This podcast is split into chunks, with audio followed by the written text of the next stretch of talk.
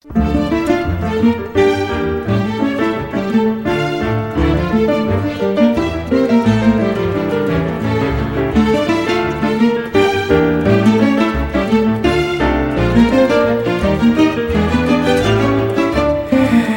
i 36 minuts a Twitter que hi ha el millor i pitjor de la història de la humanitat.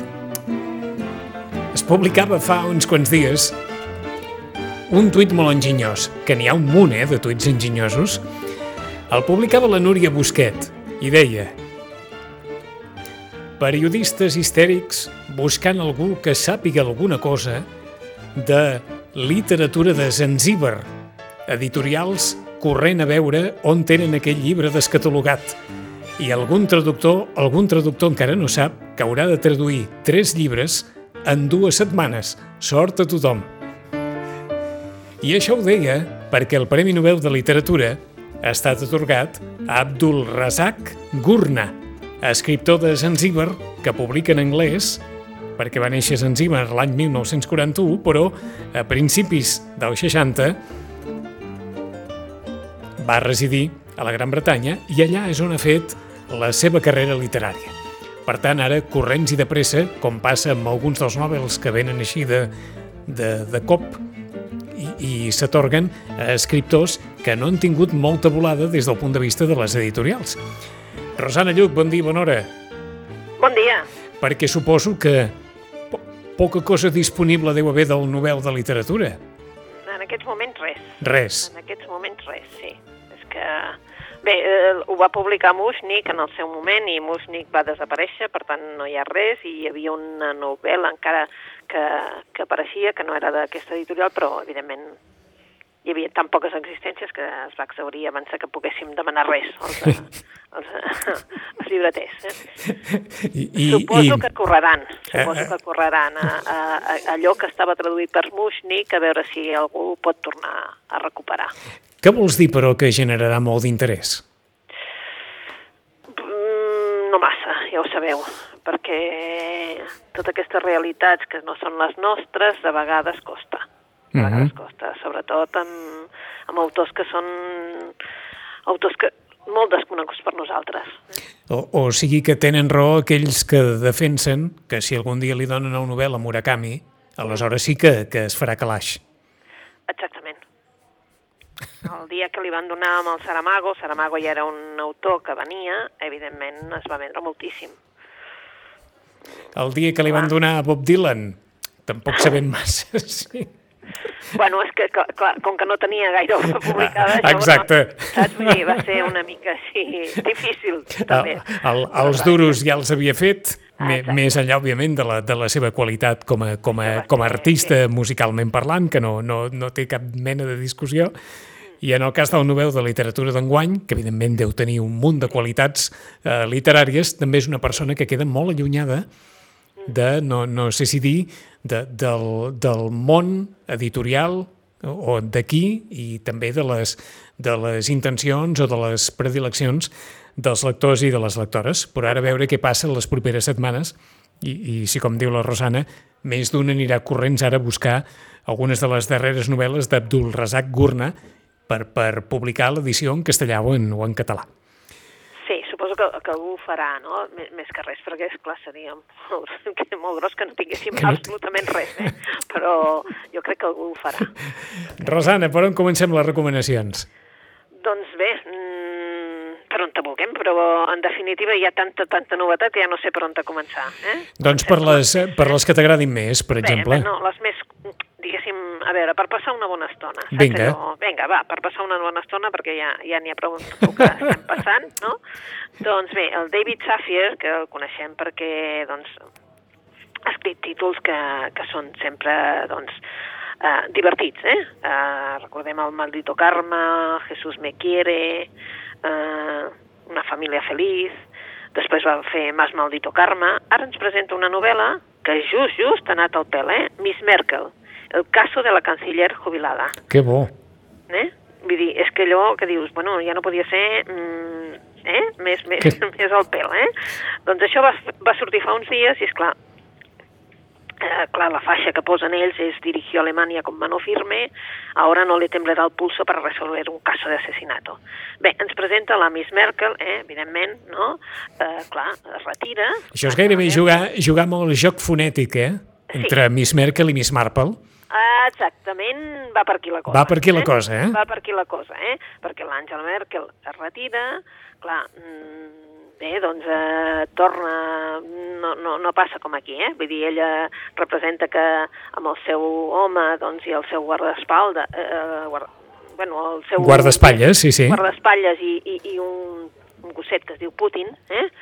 doncs se'n va cap a, cap a l'Alemanya, diguéssim, més, més, més endins, l'Alemanya més, més rural, no? Sí.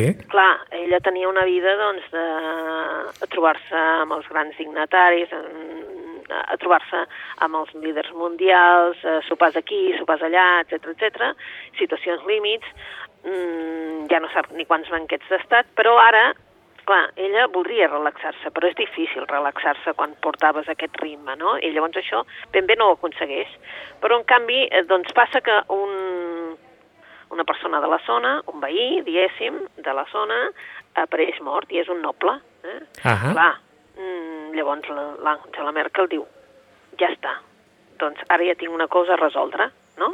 I com si fos la Miss Marple, eh? d'ara, eh? Mm, doncs ella es posa a resoldre el cas. Eh?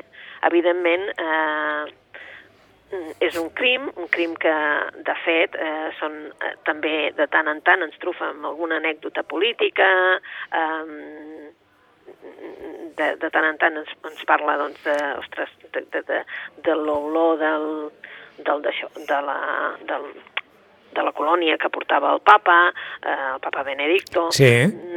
Mm, des dels petons del Berlusconi, mm, vull dir, ens, ens fa alguna anècdota, ens la posa per allà al mig, però en definitiva el que vol és resoldre el crim. Eh?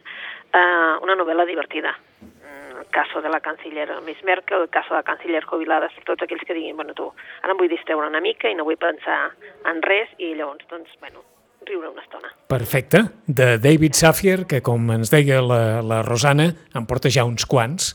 Diguem-ne en, aquest, en aquest registre de literatura per passar una bona estona, i sí. escrita d'una manera intel·ligent, eh? veritat és que els, els llibres s'aguanten, eh? no són cap tonteria, però vull dir, tu passes bé, ja està. Eh? No, no, no vas més allà, eh? no és bé una novel·la d'aquella uh -huh. intriga, de... no, vull dir, és una novel·la mig-mig i llavors rius una, una estona. Vinga, per on seguim? Per una altra. Aquesta sí que té una intriga, aquesta sí que és un, una novel·la diferent i es diu El secreto de la boticària, de la Sara Penner. És una novel·la que mm, de fet, eh, ens parla de dones, eh? dones i segles, o sigui, molts anys de diferència entre els unes i les altres. Estem parlant del segle XVIII, hi ha a Londres una botica secreta eh, que serveix a una clientela molt, molt, molt, molt diferent o molt inusual entre la clientela que seria la normal d'una botica. Eh? Um, entre les dones de Londres, només entre les dones, hi ha un rumor de que hi ha una dona que es diu Nela que ven eh, verí camuflats com si fossin medicines aquella, a totes aquelles que necessiten utilitzar-los amb els seus homes que les maltraten. Eh? Caram. Llavors, eh, bé, eh, el, o sigui, eh? Sí, Aliança sí. de dones. Sí, queda, queda clar, queda clar. Queda clar, eh? El destí d'aquesta... Però clar, eh, hi ha una, una nena, una nena de 12 anys que, que, que cometrà un error fatal i llavors això mm, tindrà unes conseqüències que eh, duraran, arrastraran durant, durant segles. I ara hi ha una, eh, representa que en el moment actual una esperant historiadora eh, anomenada Caroline Parswell um, passa el seu dècim aniversari de casament tota sola, enfrontada a, precisament als seus dimonis, no? I llavors una, trobarà una pista per resoldre aquest misteriós assassinat que van fer que Londres d'aquell moment, vull dir, anés revoltat totalment. Uh, la seva vida acabarà mm, també una mica barrejada amb aquesta boticària, uh, veurà tots els secrets d'aquesta boticària i al final es desvetllarà quin era aquest secret de la boticària. Una novel·la per passar l'estona, una novel·la ben escrita que doncs, ens fa doncs, allò, pensar que també quan les dones s'alien també doncs de vegades surt bé la cosa i de vegades doncs, mm, doncs passen passen aquestes coses, que hi ha un secret de dos, 200 anys. Ah, finalista del llibre de l'any 2021, eh, guardó concedit per el més important club de lectura dels Estats Units. Per si algú li serveix de referència allò, escolta'm, que ha rebut algun premi o alguna cosa, El secreto de la boticària era una de les novel·les finalistes a un dels guardons més populars dels Estats Units, de Sarah Penner. Sí, i després passem a un altre llibre completament diferent. Uh -huh. Vull dir, l'Albert Espinosa ens ha publicat nou llibre. Ara feia dies, eh? Sí, per això dic que ha publicat nou llibre, un llibre molt personal que es diu Estava preparado para todo menos para ti. Uh, també hi és la versió en català, ho diem en castellà perquè ell la escriu en castellà, malgrat que està publicat també en català i la gent el llegeix. Pues la veritat és que molta gent en català. Eh? I són, ell diu, soplos. I anem trobant soplos, vale? és un llibre il·lustrat, un llibre ben, ben editat, com els seus, però eh, parla d'ell. Mm? Vull dir, uh -huh. parla de de quan, per exemple, es va trencar la cadera el 2017 i llavors, vull dir, va saber que entrava en una nova etapa de la, de la seva vida, ens explica, doncs, eh, eh, què li va suposar això, llavors troba una noia que també, doncs, que portava 40 anys en cadira per un accident escolar, ens dona, doncs, tota aquella de píndoles, diguéssim, mm, unes píndoles en què parla, mm, diguem-ne, d'ell personalment, però per donar-te ànims, per dir, eh, com si diéssim, jo ho he superat. És a dir, és un llibre de motivació personal, superació personal, un llibre, sí. un llibre d'aquells per ajudar, no, ja, no, ja no voldria dir el terme d'autoajuda, eh, que, que s'utilitza tant, però és un llibre per a aquelles persones que, que vulguin tenir alguna reflexió motivacional. Exacte. Exacte. Vull dir, és allò... Uh -huh. T'acaba dient, és molt complicat entendre el problema d'una altra persona, posar-se la seva pell, el seu peu, a la seva mà i sobretot el seu cap. Uh, I llavors diu, quina sort seria que tot el món tingués un groc sec que li, obri, li obrís els ulls. Um, I llavors acaba la frase dient, ojalà, uh, voldria que aquest, aquesta, aquest, aquesta píndola que et dono jo, que, que tu neixis aquesta revolució sí, sí, sí, que es sí. diu o entrem tots o no hi entra ningú.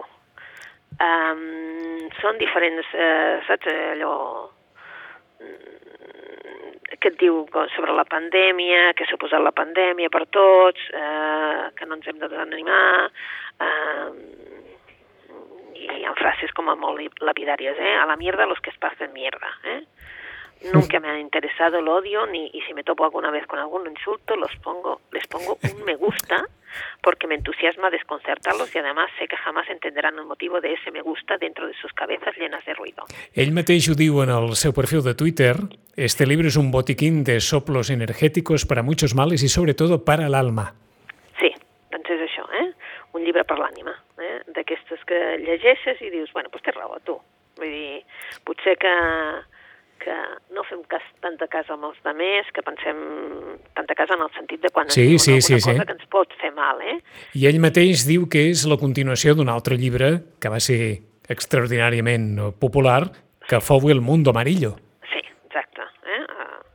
De fet, el llibre, si, si estàs veient la portada... És, és molt, sí, eh? sí, és molt, molt semblant o inspirada. Sí, inspirada, eh? I aquesta és una edició il·lustrada, vull dir, una edició molt bonica, que, en definitiva, del 18 amb 90, vull dir que, que és un llibre, saps, aquells de, de regalar-te. De regalar o de regalar-te, Mhm. en aquest cas. I, I ho diem així perquè va ser un terme ara passat una miqueta de, de moda, però no sé ho dir, una persona groga, Sí. a, a diferència de la mala premsa que té la, pen, la premsa groga, Sí, groga, sí. Eh? Una, una persona groga és aquella que trobes en algun moment i que sense, sense cap explicació ni cap motivació especial t'ajuda. Saps? Vull dir que... Sense, inesperadament, sense que hi hagi cap vincle ni familiar ni d'amistat, sinó algú desconegut o desconeguda que, que es troba a la teva vida i t'ajuda en, el, en el que sigui. Això era una, una persona groga. Sí, doncs eh, després de l'Albert Espinosa passem a una altra que és una novel·la biogràfica. Diguem. Vinga. Eh? Una novel·la biogràfica, és una autora que, eh, que bueno, fora d'aquí ja n'ha fet diverses de novel·les eh, biogràfiques. Es diu, ella, l'autora es diu Anne Lis Marstrand Jorgensen. Eh? I el, la novel·la es diu Hildegarda.